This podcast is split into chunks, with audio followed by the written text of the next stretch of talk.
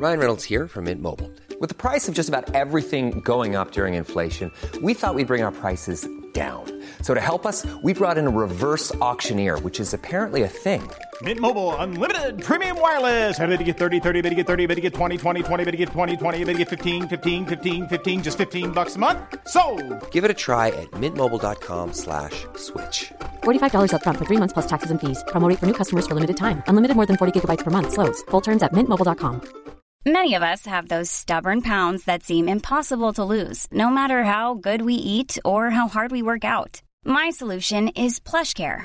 PlushCare is a leading telehealth provider with doctors who are there for you day and night to partner with you in your weight loss journey. They can prescribe FDA-approved weight loss medications like Wagovi and Zepbound for those who qualify. Plus, they accept most insurance plans. To get started, visit plushcare.com slash weight loss. That's plushcare.com slash weight loss. Wow. Nice. Yeah. What you're hearing are the sounds of people everywhere putting on Bombas socks, underwear, and t-shirts made from absurdly soft materials that feel like plush clouds. Yeah, that plush. And the best part? For every item you purchase, Bombas donates another to someone facing homelessness. Bombas. Big comfort for everyone. Go to bombas.com slash ACAST and use code ACAST for 20% off your first purchase. That's bombas.com slash ACAST. Code ACAST. Välkomna till Celestial Podcast. Jag heter Stella Fadell och det är jag som driver den här podden. Här utforskar jag allt inom spiritualitet, okulta ämnen och andra magiska ting. Enjoy my loves!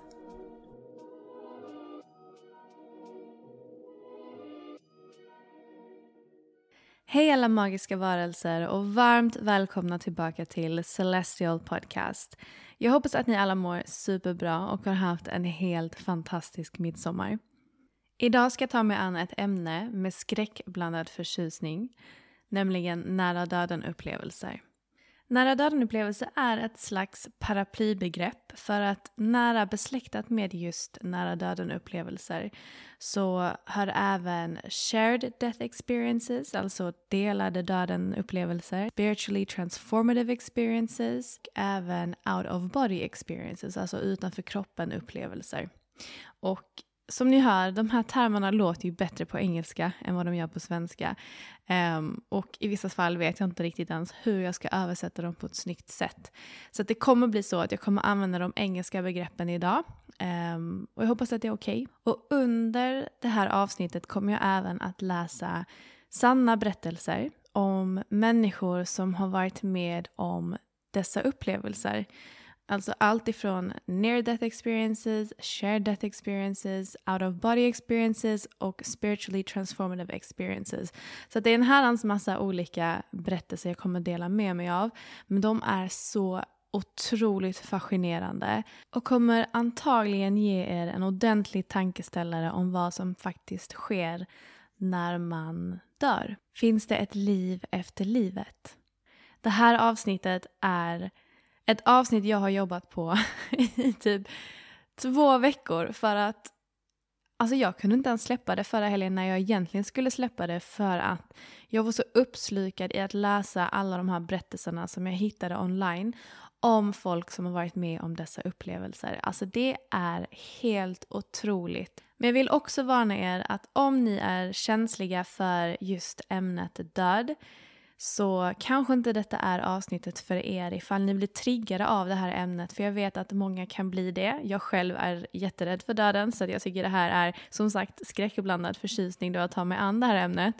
Men det jag vill säga är att efter att ha tillägnat två veckors tid åt att djupdyka inom det här ämnet och lära mig och läsa berättelser och läsa erfarenheter och läsa studier så lämnar detta mig med en mycket mer lugn och harmonisk känsla över vad som händer efter livet, så att säga. Det har lämnat mig med en positiv känsla, med en nyfikenhet, med en fascination och jag hoppas verkligen inte att detta framkallar någon ångest hos någon av er. För att jag blir väldigt triggad av det här ämnet och jag har lätt att känna ångest. Men jag ska säga det att efter att ha tillägnat de här två veckorna åt att lära mig kring just döden och nära döden upplevelser så mår jag faktiskt bättre. Döden skrämmer mig inte lika mycket längre. Just för att jag har läst att majoriteten, jag har faktiskt inte läst en enda negativ eh, erfarenhet eller upplevelse av att komma i kontakt med döden. Så jag ville bara säga det i alla fall, ifall ni känner er lite nojiga. Det här ska lämna er hoppfulla, fascinerade och eh, förhoppningsvis mindre rädda för döden. För ett par veckor sedan tror jag att de flesta fotbollsintresserade påverkades av den otäcka händelse som skedde under Danmark-Finland-matchen, som jag av en händelse tittade på. Fotbollsspelaren Christian Eriksen kollapsade på fotbollsplanen och allt blev genast väldigt obehagligt. Han hade fått hjärtstillestånd mitt under matchen. Lyckligt nog fick läkarna igång hans hjärta igen men läkaren hade konstaterat att under tiden han var medvetslös så var han officiellt död vid en tidpunkt. I samband med denna händelse och i samband med att jag läste och ville kolla hur han mådde, vad status var med honom, så kom jag i kontakt med en annan story om en annan fotbollsspelare som heter Fabrice Moamba som tyvärr också fick hjärtstillestånd på fotbollsplanen för några år sedan. Men för honom tog det 78 minuter innan läkarna fick igång hans hjärta igen. 78 minuter, alltså det är helt otroligt. Men det fick mig att börja tänka. Dessa två fotbollsspelare mötte ett kort ögonblick döden. Men de kom tillbaka igen. Vad var det de upplevde egentligen den stund de var på andra sidan? Under min Spanienvistelse så träffade jag en man som hade blivit rejält drabbad av covid. Till den gräns att han låg i koma i 30 dagar. Genast började jag fråga honom om sin upplevelse under sin koma och vad han berättade var fascinerande. Han berättade att under sin koma så hörde han, såg och upplevde allt som skedde runt omkring honom. Han var helt närvarande. Eller ja, hans medvetande var närvarande i någon form utöver det fysiska. Han hörde vad läkarna pratade om, han såg hur de såg ut, han såg allt. Och när han vaknade så berättade han att allt hade känts som den verkligaste av drömmar. Och han var övertygad om att han inte ens var sjuk utan han trodde helt enkelt att covid bara var ett påhitt och att läkarna lurade honom att han var sjuk från första början. Covid ska vi inte prata om, men det han berättade lämnade mig med fler frågetecken än svar. I samband med dessa händelser så kände jag bara att den här frågan, vad händer när man inte är vid medvetande? Eller det här fysiska medvetande som vi känner till. Vad är det som händer? Var är vi någonstans? Var, vad finns mer än vår fysiska tillvaro? Och som sagt, jag har nämnt det några gånger nu. Döden skrämmer livet ur mig, literally. No pun intended.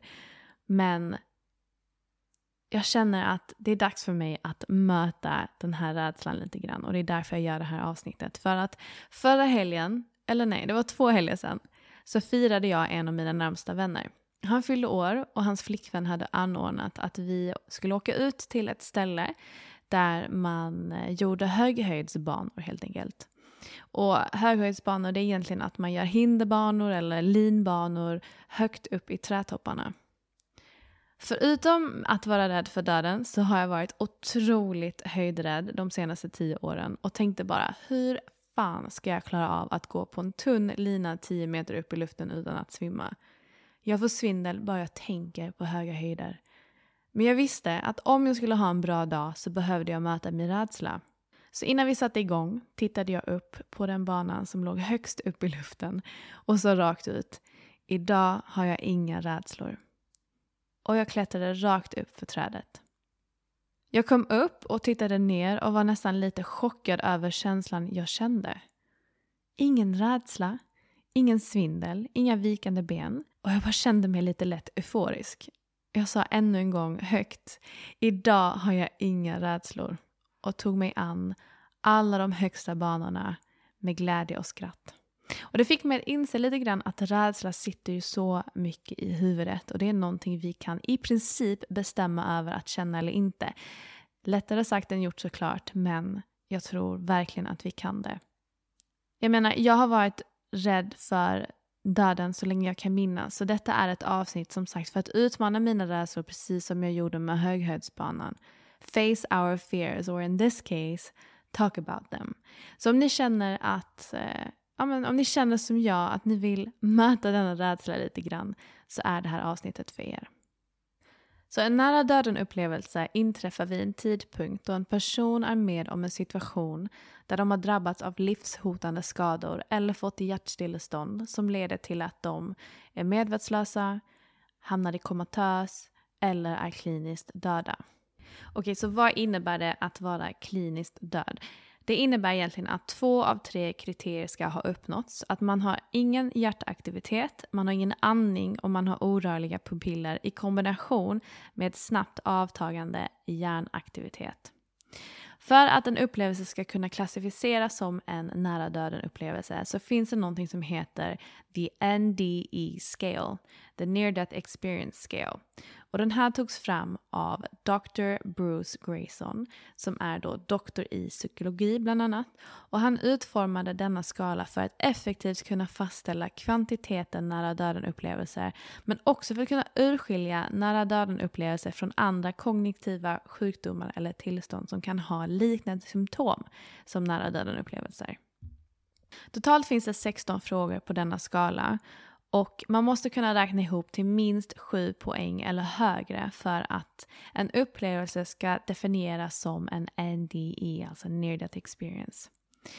Vad finns det då för typer av frågor på den här skalan? Jo, en fråga kan till exempel se ut så här. Fick du en tillbakablick från ditt liv? Eller såg du eller kände du dig omringad av ett starkt vitt ljus? Kände du dig separerad från din fysiska kropp? Såg du döda anhöriga eller andra andliga varelser? Kände du en känsla av att vara i harmoni eller i enhet med universum? Så det är några av dessa frågor som finns på den här skalan som man måste besvara. Och jag ska säga det att NDEs är inget nytt begrepp, även fast det är många som tror det. Jag ska säga det att den grekiska filosofen Plato pratade till och med om det här i, under sin tid. Och en av Platons mest kända verk, The Republic, berättar om en eh, krigare som dog i, eh, ja, i krig. och eh, under hans begravning så kom han plötsligt tillbaka till liv och berättade då om sin, om sin upplevelse där han flöt iväg ifrån sin fysiska kropp och och eh, gick in i en metafysisk värld. Ett, ett liv efter livet helt enkelt. Jag blev ganska förvånad när jag läste att cirka en av tio patienter som får hjärtstillestånd på sjukhus rapporterar att de upplever en utanför kroppen upplevelse eller en spiritually transformative experience. Alltså att de besöker andra sidan. Och det är ganska många om man tänker efter. Och jag kom i kontakt med en hemsida som heter just Near Death Experience Research Foundation där man har dokumenterat över 4900 fall av människor som rapporterat sina nära döden-upplevelser. Om ni är intresserade av att själva läsa om sådana här upplevelser så kan jag varmt rekommendera den sidan för att det finns otroligt många fall dokumenterade som sagt. Jag kan lägga länken i avsnittets beskrivning. Och även om inga två NDEs är densamma så finns det karaktäristiska egenskaper som ofta observeras och kan kännetecknas när en person har en, en NDE helt enkelt. Man kan ofta beskriva en nära döden-upplevelse eh, med olika moment som sagt. Och vissa upplever alla de här olika momenten och vissa upplever bara få. Det beror helt enkelt på egentligen hur länge man är på andra sidan. De flesta dock rapporterar att de upplever att de, de förvandlas, alltså de lämnar sin fysiska kropp och förvandlas till en, vad ska man säga, en spirituell eller andlig varelse och får en slags ökad intelligens efter att de kommer tillbaka ifrån sin nära döden-upplevelse. Och andra egenskaper som ofta rapporteras när man har en, en NDI är att man har en uppfattning om att se och höra bortom den fysiska kroppen. Man passerar in i eller genom en tunnel. Man stöter ofta på ett väldigt starkt mystiskt ljus. Man har en förhöjd medvetenhet. Man har förhöjda sinnestillstånd. Man möter avlidna nära och kära. Man känner en överväldigande kärlek, en fred och en harmoni.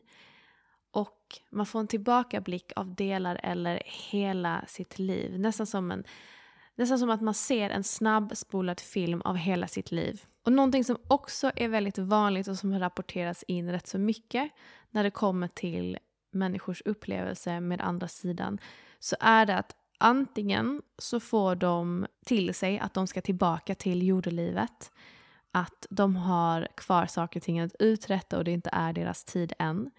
Eller så får de ett val. Antingen att återvända till jordelivet, vilket de flesta faktiskt inte ens vill göra för att de känner en sån otrolig kärlek och fred och harmoni. Och jag kommer in mer på det senare i avsnittet. Men de flesta väljer då att återvända, inte på grund av sig själva, men på grund av att de har familj eller barn eller nära vänner eller anhöriga kvar på jordelivet som de inte vill lämna. Så att hade de fått välja själva och inte haft eh, någonting som connectade dem med jordelivet så hade de, jag skulle nog säga de allra flesta fallen hade valt att fortsätta vidare i eh, efterlivet. Det är faktiskt två andra saker som jag har märkt och läst som är väldigt vanligt när eh, folk upplever en tid på andra sidan. Um, och det är att ett, de rapporterar in att tid och rum inte fungerar alls på samma sätt på andra sidan som den gör här i vår 3D-värld. Alltså linjär tid finns inte. Allt, allt händer på en och samma gång. Det finns inget igår, inget idag, inget imorgon. Ehm, det finns ingen, ingenting som är platsbundet utan personer kan befinna sig på på massa ställen samtidigt. Så det funkar inte alls på samma sätt som det gör här. Och det andra jag tycker var så sjukt intressant det var att många rapporterar in att deras upplevelser inte känns överhuvudtaget som drömmar eller hallucinationer utan det, det de beskriver är att när de är i det tillståndet i den metafysiska världen eller i den astrala världen eller vad man nu vill kalla det så känner de sig mer levande än någonsin. De säger att det känns mer verkligt än det verkliga livet så som vi förstår det. Och det är så intressant tycker jag, för att, och ironiskt faktiskt, för att de säger så här att det är flera fler berättelser jag har läst där folk eller människor då har dött under operationer. Alltså de har varit kliniskt döda, att deras hjärta har stannat. Och därmed har de upplevt att de har haft en utanför kroppen upplevelse. Alltså de har lämnat sin fysiska kropp och de liksom svävar runt i det här äh, rummet där de blir opererade på och de hör bokstavligt talat när läkarna säger nu blir det på engelska för det låter bättre i mitt huvud men We lost them, the heart stopped, they're dead. Ni förstår, de hör när läkarna deklarerar dem döda. Men i själva i själva fallet så känner de sig mer levande än någonsin. Att alla sinnen är förhöjda till en helt annan en helt annan nivå och att de aldrig har känt en sån medvetenhet som de gör under den tiden de är på andra sidan. Jag tänkte dela med mig av en berättelse. Ehm, och det är en berättelse om en kvinna som var på väg i sin bil mot ett eh, maratonlopp men tyvärr så var hon med i en bilolycka och eh, vi får följa med under hennes operation då hon lämnade sin kropp och hennes upplevelse var helt fantastisk.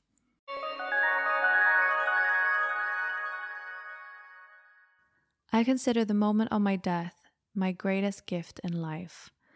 However, anyone who heard me screaming at the top of my lungs in pure, unrestrained panic in the emergency room would not have believed that 24 hours later I would be filled with the wonder and peace of the afterlife. I had a head on collision on my way to run the Austin 10K run. I broke my back in several places and sustained several internal injuries. I didn't have health insurance at the time, and I had to wait 17 hours for a surgeon to work on me. I didn't have painkillers or anything to numb the pain.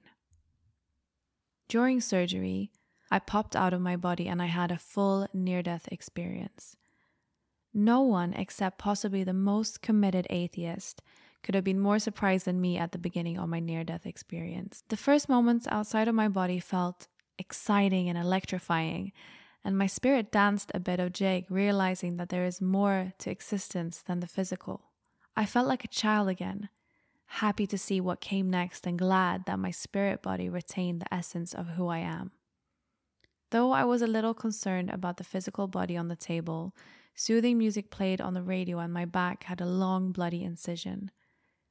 Surgery appeared more brutal and bloody than I imagined it would look like, especially from a 360 degree vantage point. I could see the entire room all at once without blinking or relying on my eyes. There, in the room with the doctors, the nurses, surgical technicians, anesthesiologists, and others, I felt a joy, an incredible joy and shock as I realized that all does not die with the body. After rejoicing a moment, I noticed two of the most intelligent beings I had ever seen. They were very large, approximately eight or nine feet tall, androgynous, with long, shoulder length hair and composed more of light than a solid form. I call them angels only because I have no other term for them. These angels were part of an added reality, and nothing like a dream.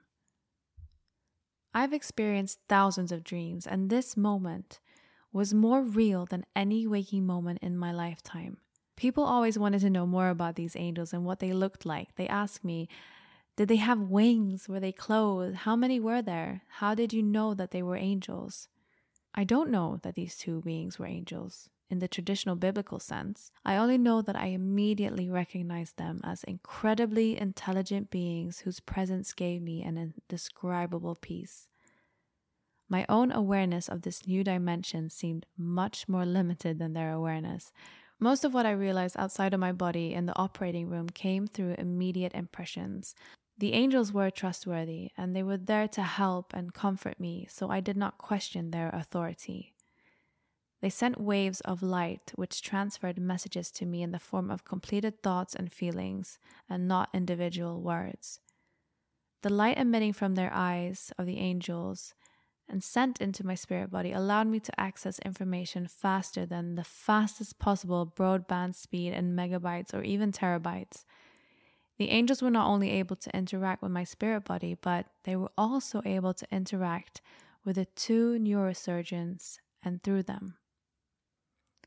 The surgeons most likely did not realize this interaction. I knew that my awareness, understanding of the world and my ability to experience joy was growing exponentially moment by moment. Just before the monitors started to beep, which signaled that my heart had stopped, the angels slowed down their communication. They looked at me intently and said loudly and with force, Watch this. The same light that they beamed into my spirit body, they sent through the back of the doctors, through their hands, and into my physical body. My physical body was instantly altered and healed in ways that the doctors might not have been able to heal me. I knew that I would walk again, that the fragments of bone would be picked out of my spine, and that I would feel healthy and run again at some point in the future. The angels turned back toward me, letting this moment sink in. And while the angels continued to work on my body, I considered how the surgeons were conduits of their energy and that the angel's energy was an essential part of my healing. Perhaps the surgeons' egos wouldn't like to hear that, or perhaps they would be pleased to know that the angels worked through them. I only knew that I needed to remember this moment vividly. The angels wanted me to be aware that they could work through me in the future. As the angels continued to work on me, my physical body shimmered with light and energy. And after a few more moments, the machine signaled that my heart had stopped. I no longer wanted to look at my physical body since it was technically dead, so I sped through the walls of the hospital. I paused only because I caught sight of my stepdad standing at a vending machine and getting a candy bar. He walked around the hospital and returned to the waiting room with the Snickers candy bar. And after I saw my stepdad, I started to feel a oneness with everyone I had ever known. After experiencing a sense of oneness and understanding with people I knew, I went back and I spent a few moments in my childhood with my grandfather Clyde. He was the only person close to me who had died, and my grandfather, a poor countryman, had spoiled me to the best of his ability. I hopped in the back of his blue Chevy truck and he drove us slowly towards the light. My feet dragged the ground through bright clover and grass, greener and more intense, light filled than any grass I had experienced on earth. Grandpa was younger and healthier than when I knew him, and he leaned his head out of the window to ask if I wanted to keep going. I nodded. Yes. And with that, the truck lifted off the ground and headed toward the light. And at some point, I was no longer in the truck, and my grandfather was not longer with me. I was very close to a love I can't put into words. I have tried to write about this experience so many times, but I break down and I can't write the words. I miss the love, I miss the light, and a large part of me never wanted to leave the safety of that place. In that place, I felt no stress and more love than I imagined possible. I felt more joy and contentment than even the brightest moments in this life ever provided, and I didn't want to return to my body. If a soul could smile, then my soul smiled. I was comfortable and without worry. I felt complete and utter trust in this experience. And as I got deeper into the light, I felt the prayers of my mother, father, grandmothers, and a couple of my aunts. I especially started to feel the prayer of a great aunt who lost a daughter in a car wreck. I very clearly heard her pray and beg God that my mother would not suffer the pain she suffered when she lost her daughter. This touched me, and I almost wanted to return because of her sweet prayer.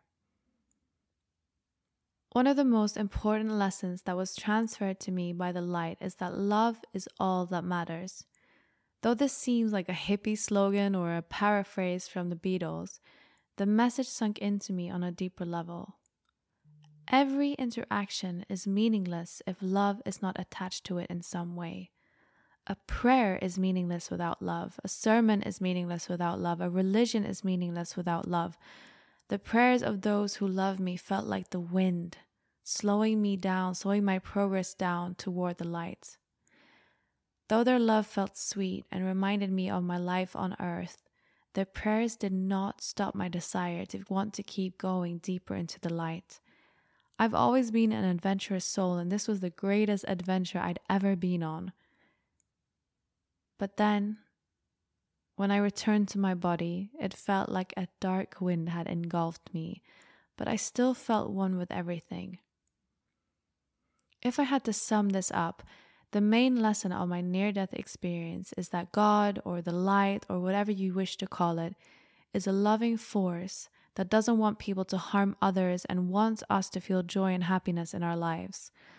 Love and kindness are the greatest gifts we can give others.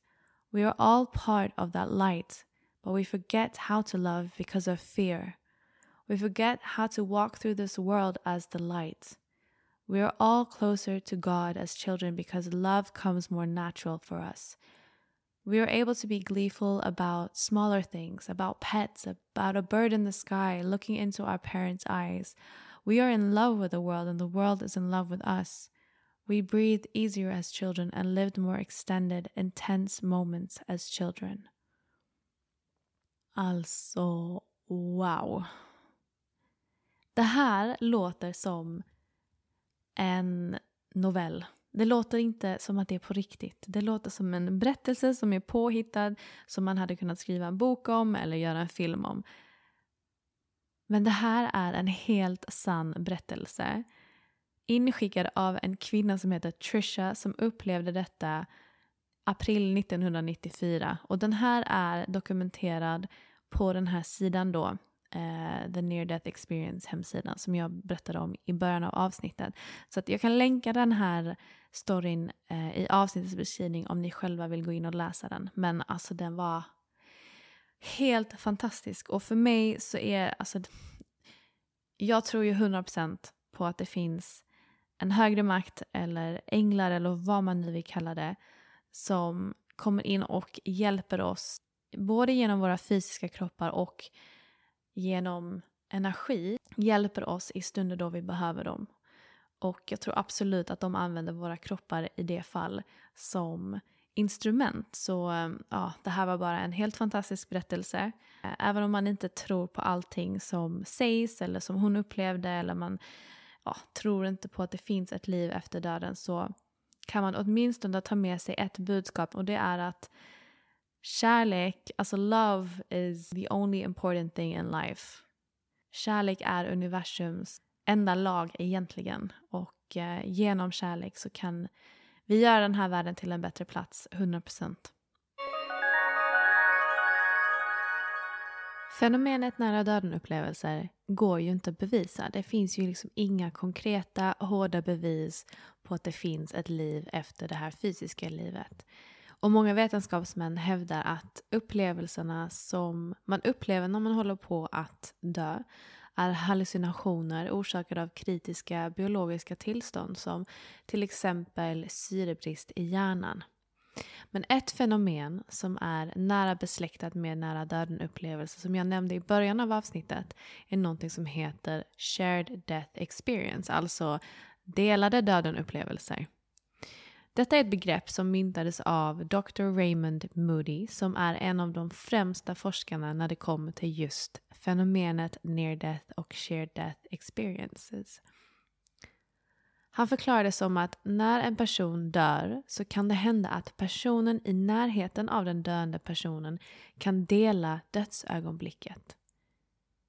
Exempelvis så beskriver dessa personer att när de sitter i närheten av eller de känner en nära anhörig eller vän eller en person som håller på att lämna vår fysiska värld så följer de med på den här resan och lämnar själva sina kroppar in i den astrala eller metafysiska världen. Och de följer med den döende personen en bit på vägen mot ljuset och det är där de skiljs åt.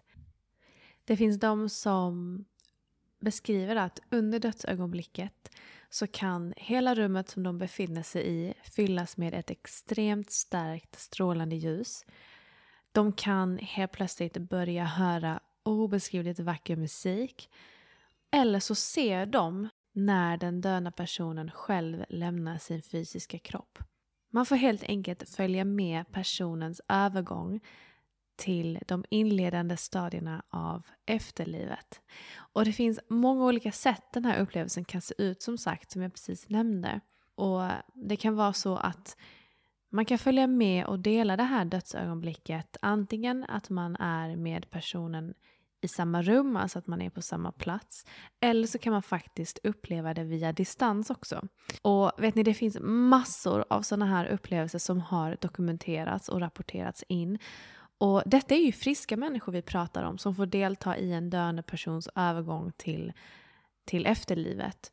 Och att absolut, man kan hävda att en döende person kan lida av till exempel syrebrist som kan påverka då att man kan, kan få hallucinationer eller andra saker och ting. Men vad och hur förklarar man då de friska personerna som sitter i rummet eller som också upplever det här dödsögonblicket? Hur förklarar man det fenomenet? De känner det inte bara fysiskt men de kan också känna det rent emotionellt med sina kroppar, med sina intuitiva förmågor. Så känner de när personen dör. Jag minns att min pappa berättade för mig att han var med om någonting liknande när hans mormor gick bort för många, många år sedan. Och vet ni, jag tänker så här, jag ska faktiskt ringa min pappa över Facetime och så får han berätta själva för er vad det var han upplevde när hans mormor gick bort för alla de år sedan. För att jag tror att det blir ännu mer spännande än om jag berättar om det. Så vänta lite, jag ska ringa honom. Hoppas jag bara att han svarar också. Det här var bra.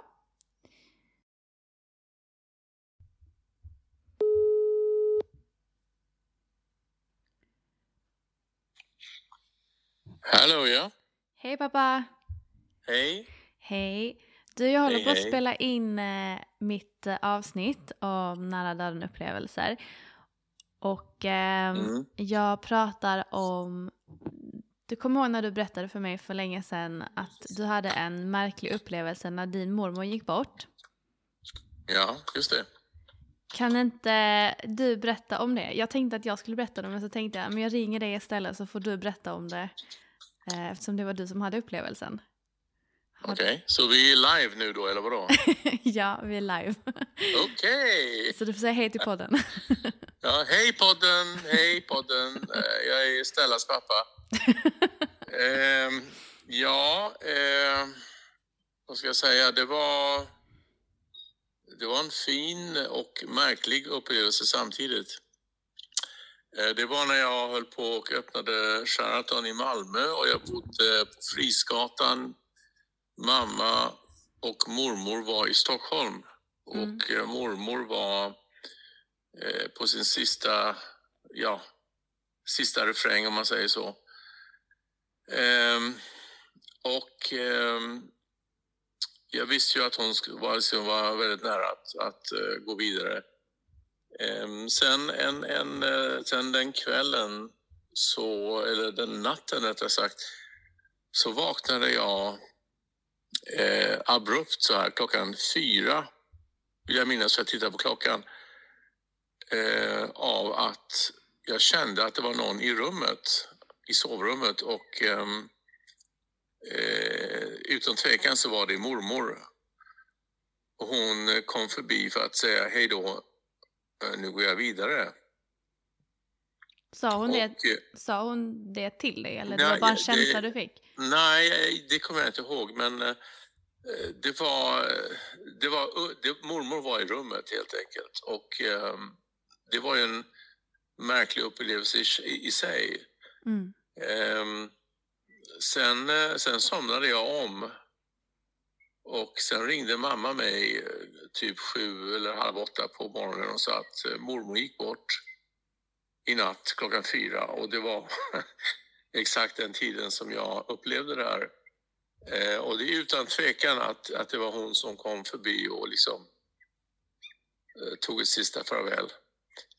Wow. Så det, så det var, ja, det var lite märkligt och ehm, när jag tänker på det nu så är det liksom lite emotionellt och sådär men ehm, Mm. det var hon, Ja, helt och hållet. ja. Så sjukt. Så, Alltså för jag satt och tänkte på när jag skrev, eh, alltså när jag skulle bestämma så här innehållet av det här avsnittet så tänkte jag, för jag började prata om någonting som heter shared death experiences och det är just att man får vara med typ i dödsögonblicket på ett eller annat sätt. Att, eh, och det kan man, man kan ta del av det på, på olika sätt men ett sätt är då att de liksom kommer och hälsar på en och säger ett sista farväl. Och det var ju exakt Mm. det som hände dig. Så jag ville verkligen, ehm, ja, nej, det var det ju för att, eh, alltså, eh, till historien hör jag att mormor och jag var ju väldigt nära och eh, eh, vi, hade, vi hade ett bra förhållande. mm, Eh, men jag, alltså, jag, jag vet inte om jag var vaken eller om jag, om jag sov eller vad, vad det var för någonting. Men tiden hade jag liksom bestämt. Det var fyra någonting på mm, morgonen och ehm, det var då hon gick bort. mm. Och det var då hon kom och sa hej då. Nu går jag vidare. Ja, men, Så men det... det- var ju, jag kommer ihåg att du sa att det var en väldigt fin upplevelse för dig. Ja, det var det. Det var absolut en mycket, alltså det var inget traumatiskt överhuvudtaget. Det var en lugn, eh, skön, eh, ja, stillsam upplevelse. Mm. Sen när mamma ringde mig på morgonen där så sa hon att jag, eh, som hon sa då, mamma gick bort här i natt eh, klockan fyra. Mm. Och min, min enda kommentar var ja, jag vet. så sjukt. För jag, för jag var där, typ, eller hon var där. Mm.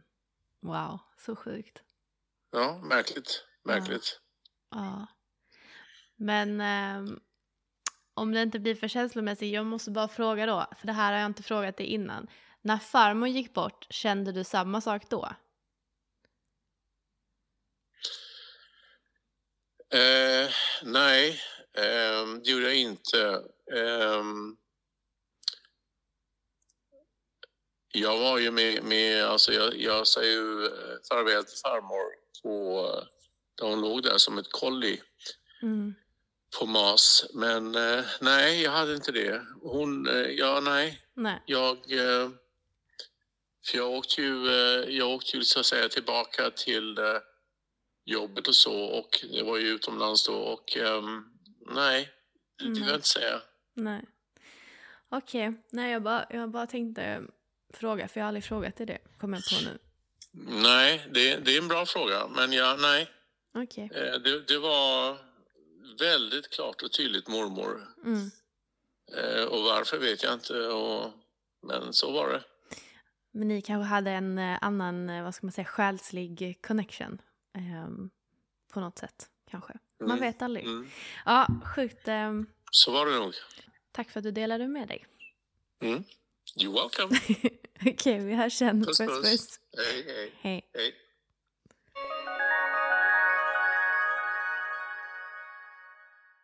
Man kan verkligen förstå en sak och det är att när man har varit med om den här, eh, eller om en sån här fantastisk upplevelse, um, allt ifrån att man, som min pappa fick säga farväl till sin mormor när hon gick över, till att man är med om någonting så traumatiskt som en nära döden upplevelse men man kommer ut på andra sidan med en hel fantastisk insikt om att det finns någonting mer efter det här fysiska livet.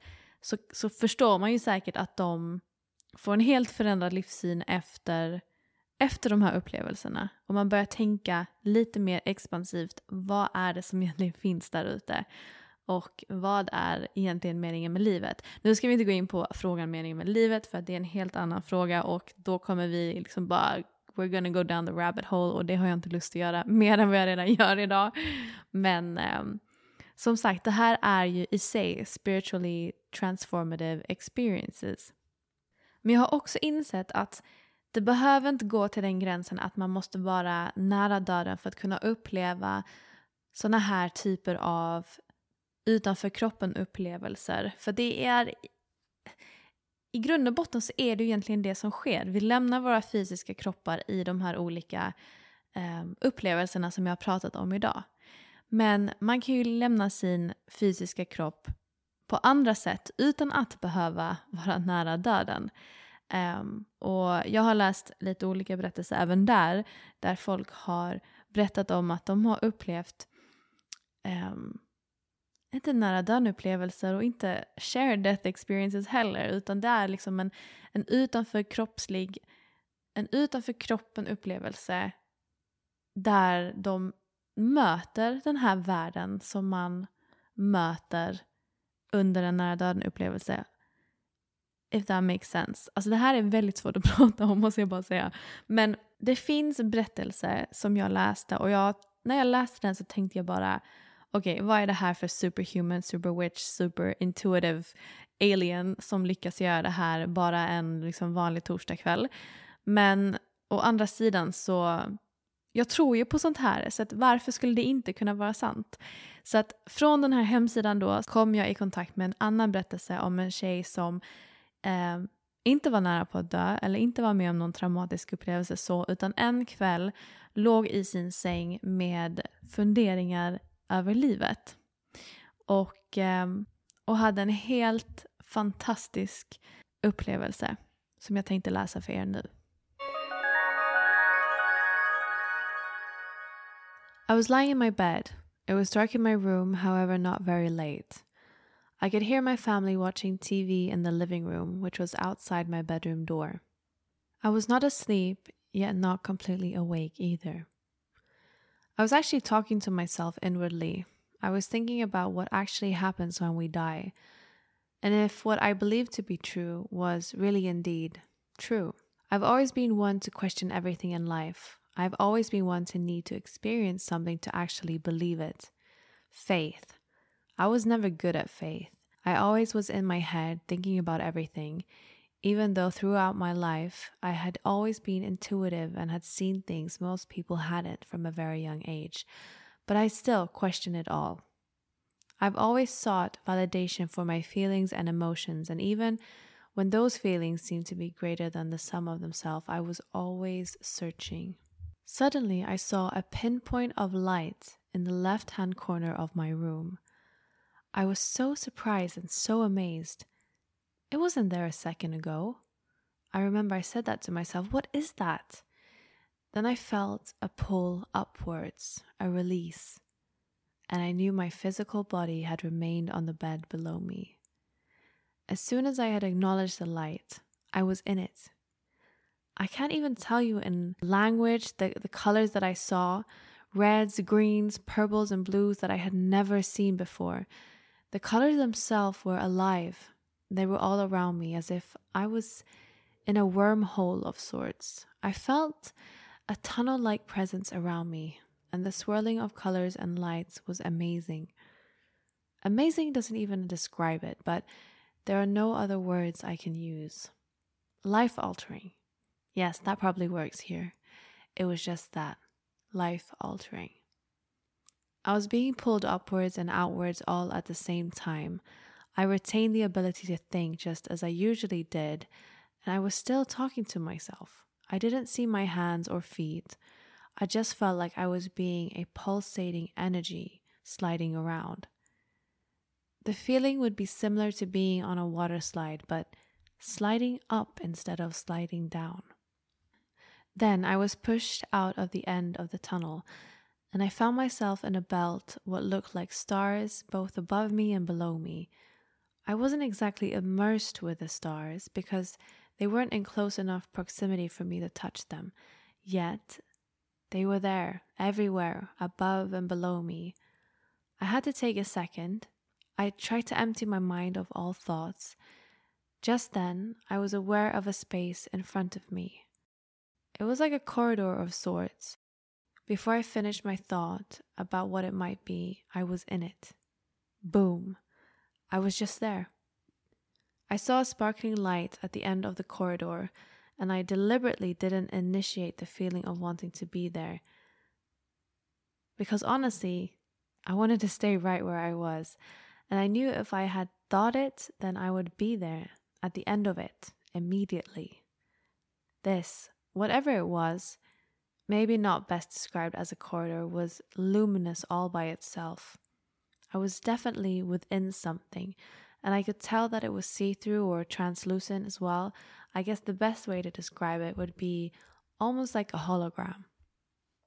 And there, to my left on the screen, was my life.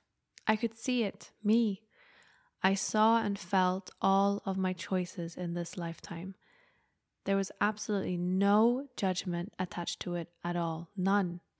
I wasn't judging my life, I was simply seeing it. To the right, it was dark and dim. I felt like the right side was reserved for me when I actually did physically die. I would be privy to it then. It contained all the possibilities of all the angles of all the decisions I had made played out in different realms. As if, let's say, I had decided not to get married when I did. What would my life would have been like then? And you know, it was actually played out, but not in a physical way. It was still acted out. It was all the probables in life. I asked in thought or feeling, not with my voice, why I was here. A voice told me that it was because I had asked to be there. I knew this voice. It was comforting and familiar, and yet I knew it was God. How was that possible? I immediately questioned the voice about its being female. I had always envisioned God to be male. I had expected to be greeted in a male voice, and I was shocked to hear and feel that I had chosen this voice because it was mine, it was my voice. I suddenly knew that I was part of the universe. I was not separate. I was not some being cast into a world and separate from God. I was God, if you will. I was part of the universe, or whatever you want to call it. I knew right then and there we were all part of this life force. It was all encompassing all around me. I felt as if I were a balloon being given air, expanding and then contracting. I was free, and yet I was connected to this voice. This voice was a layer, a layer of billion other souls speaking. I can't describe it. I knew I I was not alone there. I actually felt and saw a billion souls of light behind a hazy, almost curtain like substance in front of me. I was delirious, with the feelings of love, with the feelings of hope. I could feel every other soul's compassion and love for me. It was the most overwhelming, most extraordinary thing ever. I heard the thoughts of everyone, and yet it wasn't craziness like voices in one's head. It was all thoughts, and it all made sense. I knew the images that I wasn't able to see on the right were also of all the lives I was living all at the same time. I got this distinct impression we were living lives to raise consciousness. And by raising the vibration around us, we change the earth. We change the experience of life. I felt so safe, so complete. It was apparent how fractured I had felt before, how separate I had felt. Even though I had always known we were connected as people, I didn't know we were all the same. We all have the same knowledge within us. I went forward to the end of the corridor towards the haziness and beautiful lights, and I noticed an old boyfriend of mine. He was holding flowers of pink and white, and he moved out from outside the corridor towards me. And I felt his love, and I was baffled as to why he was even there. What I didn't know was that he had passed some years earlier. I had no idea. I had often thought about him and missed him, you know, a teenage love I hadn't seen in years. I thanked him for being there. I turned to the right and saw my then father in law's mother. She had her arms extended towards me. I hadn't known her in real life that well before she had passed away. She looked like she had when she passed, you know, white hair, pretty smile. And I asked her, why did she look, still look so old? There's me questioning everything again. She then changed to a beautiful young girl. She told me her form was dependent on her own will. She could be anything and everything. And I thanked her for being there also, but asked why my own grandfather wasn't there and she stated he was very busy, but he was always there, always around me, as we are all part of the same energy source. I was handed an orange crayon. Yes, a crayon. I was told I needed to let go of all of my fears. I was instructed to write them in the air, and I did. I started writing these exact words fear, lost loves, frustration, hate, unworthiness, all of my hurtful feelings towards others and myself and I was told to release them. As I wrote, the top of the list dissipated, like a scroll of some kind. I felt incredible. I felt like I was perfect, like everything was as it should be. Every piece of the puzzle was in place. I was aware of the things on the outlying edges of my own consciousness, like all I had to do was focus on them as they were already there. I just allow them into my sight. Everything I could ever want was available. I just had to let it in, see it. Kind of like when you lose something, you go back, look, and look in the same places, and suddenly the tenth time you open the drawer, you see it there. It wasn't magically put there, it was there all the entire time, but you just didn't see it. Now I saw it. It was the law of manifestation right in front of me, how everything is there. I just have to let it come forward and if I got rid of all this fear and all the feelings it created, I could effortlessly let it roll into my line of vision. It was already mine, I just needed to see it. I wanted to go behind the veil. I thought of it and half expected to be sucked into it, but I wasn't.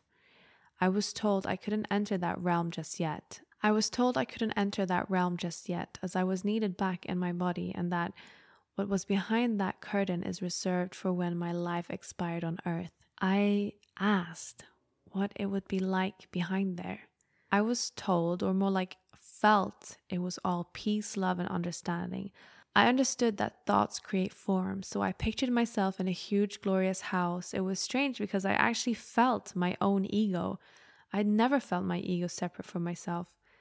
My ego wanted some big, elaborate house, but not every other soul there needed some big, huge house. They all created something for themselves that was healing, and I knew that behind that curtain, healing and love, understanding, all without the presence of ego and judgment awaited. I knew I was the only one judging myself. I was even judging my house. Ego was not part of the afterlife. I could feel a pull in the middle of my being, and I knew my time there was very limited. I didn't want to leave. I felt too complete and whole. I felt loved, loved. Real love, not the kind peppered with judgment and scrutiny. I was part of something. I wasn't different. I was the same. I asked, with my feelings, if I could please just get a fleeting glimpse of what it will be like when it's my time to die. I suddenly, without warning, heard and felt the loudest party. I felt and saw my parents and my friends and a million other beings clapping for me, welcoming me home. I saw the brightest light I had ever seen. It was like warm molasses, and it felt and filled every single speckle of my being. The light was love, pure love. It was so spectacular that I cried just writing this out.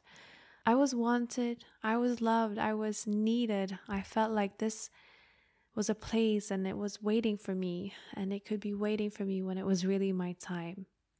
That warm sunshine, thick molasses, yellow light was alive with feelings, abundance, and self forgiveness. For a split second, I knew what it felt like to be free of all worldly attachments, and that understanding will forever stay with me. To know I am the creative force within my life, that what I think and feel about others and myself affects my surroundings. I didn't have to think a certain way to be accepted. I just was. I stood in the magnificent light and understood I carry that inside me every day of my life. It hasn't abandoned me, it is a part of me. As soon as I realized that, I felt a jerk backwards. Boom. No descent backward with colors and beauty like there had been on my way there. I was just back where I had started, in my dark bedroom, and I immediately began to cry.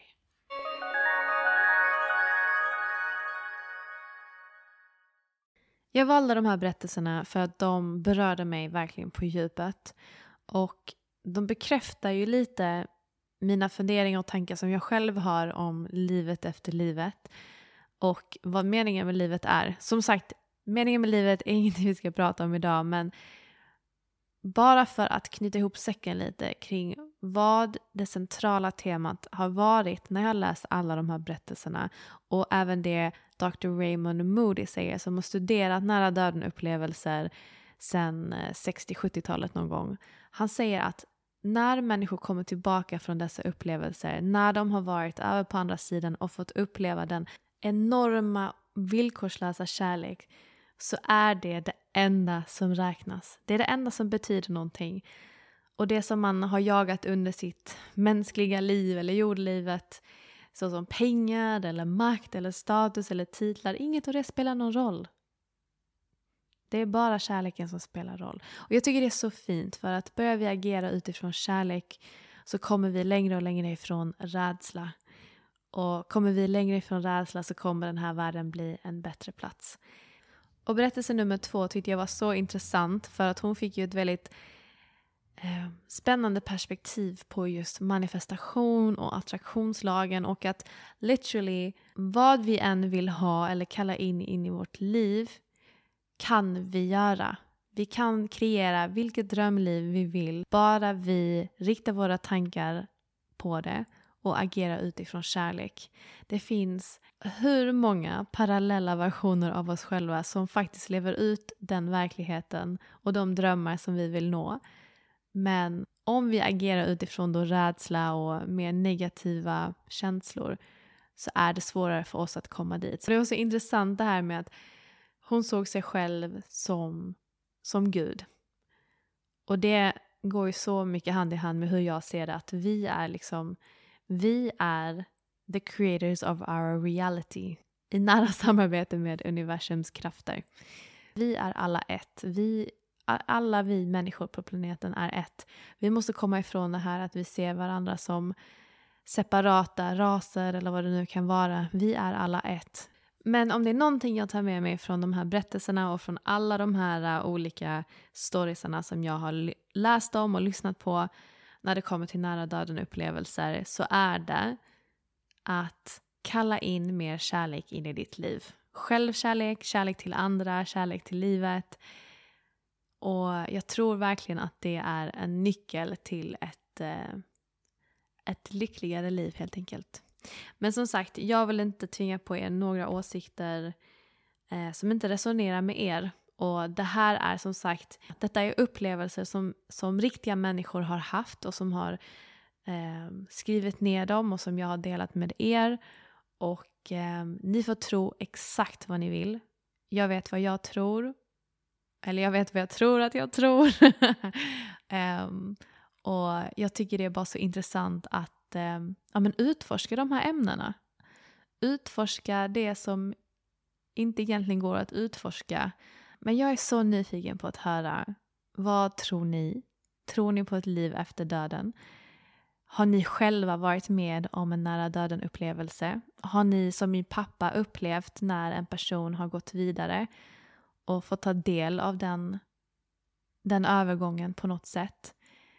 Dela gärna era tankar med mig för att detta är ett ämne som jag som sagt är så fascinerad över och eh, diskutera gärna detta vidare med er för att ni har så mycket kloka funderingar också och jag älskar att bolla olika tankar, existentiella tankar om livet med er. Det är så himla kul. Men som sagt, ta det jag har sagt och bilda er en egen uppfattning. Jag säger inte att det är si eller så. Jag säger bara att det finns möjligheter till allt. Och med det sagt så hoppas jag verkligen att ni tyckte om det här avsnittet. Och jag hoppas att det var okej okay att jag läste upp berättelserna på engelska. Jag frågade faktiskt er på Instagram ifall det var okej okay, eller ifall ni ville att jag skulle översätta dem på svenska. Men um, majoriteten av er ville helt klart att jag skulle läsa på engelska. Det blir ju en annan känsla när det är liksom originalspråket. Ja, som sagt, vill ni läsa fler nära döden upplevelseberättelser så kommer jag länka då hemsidan eh, där jag hittade dessa så ni kan gå in och, och söka runt själva. Och eh, ni vet att om ni vill komma i kontakt med mig så gör ni det enklast på Instagram eller på mail och jag lägger då uppgifterna till det i avsnittets beskrivning. Och eh, annars mina vänner så får jag tacka så hemskt mycket för att ni har lyssnat. Om ni tyckte om avsnittet så hade det betytt världen för mig ifall ni ville gå in och lämna ett betyg på iTunes eller Podcaster-appen. Det hjälper mig enormt mycket. Och så får jag helt enkelt önska er en fantastisk dag, en fantastisk morgon, kväll när ni än lyssnar. Så hörs vi igen om en vecka. Puss och kram!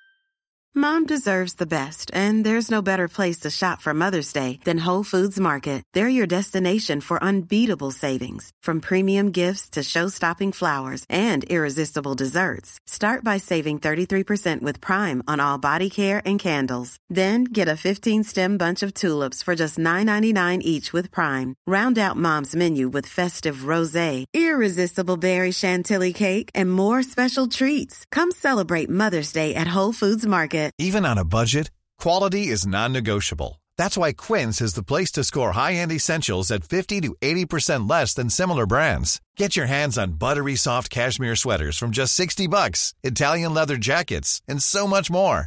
And the best part about Quince, they exclusively partner with factories committed to safe, ethical, and responsible manufacturing. Elevate your style without the elevated price tag with Quince. Go to quince.com slash upgrade for free shipping and 365-day returns. Hi, I'm Daniel, founder of Pretty Litter. Did you know cats tend to hide symptoms of sickness and pain? I learned this the hard way after losing my cat, Gingy. So I created Pretty Litter, a health monitoring litter that helps detect early signs of illness by changing colors, saving you money and potentially your cat's life. Pretty Litter is veterinarian developed, and it's the easiest way to keep tabs on your fur baby's health right at home. Go to prettylitter.com and use code ACAST for 20% off your first order and a free cat toy. Terms and conditions apply. See site for details.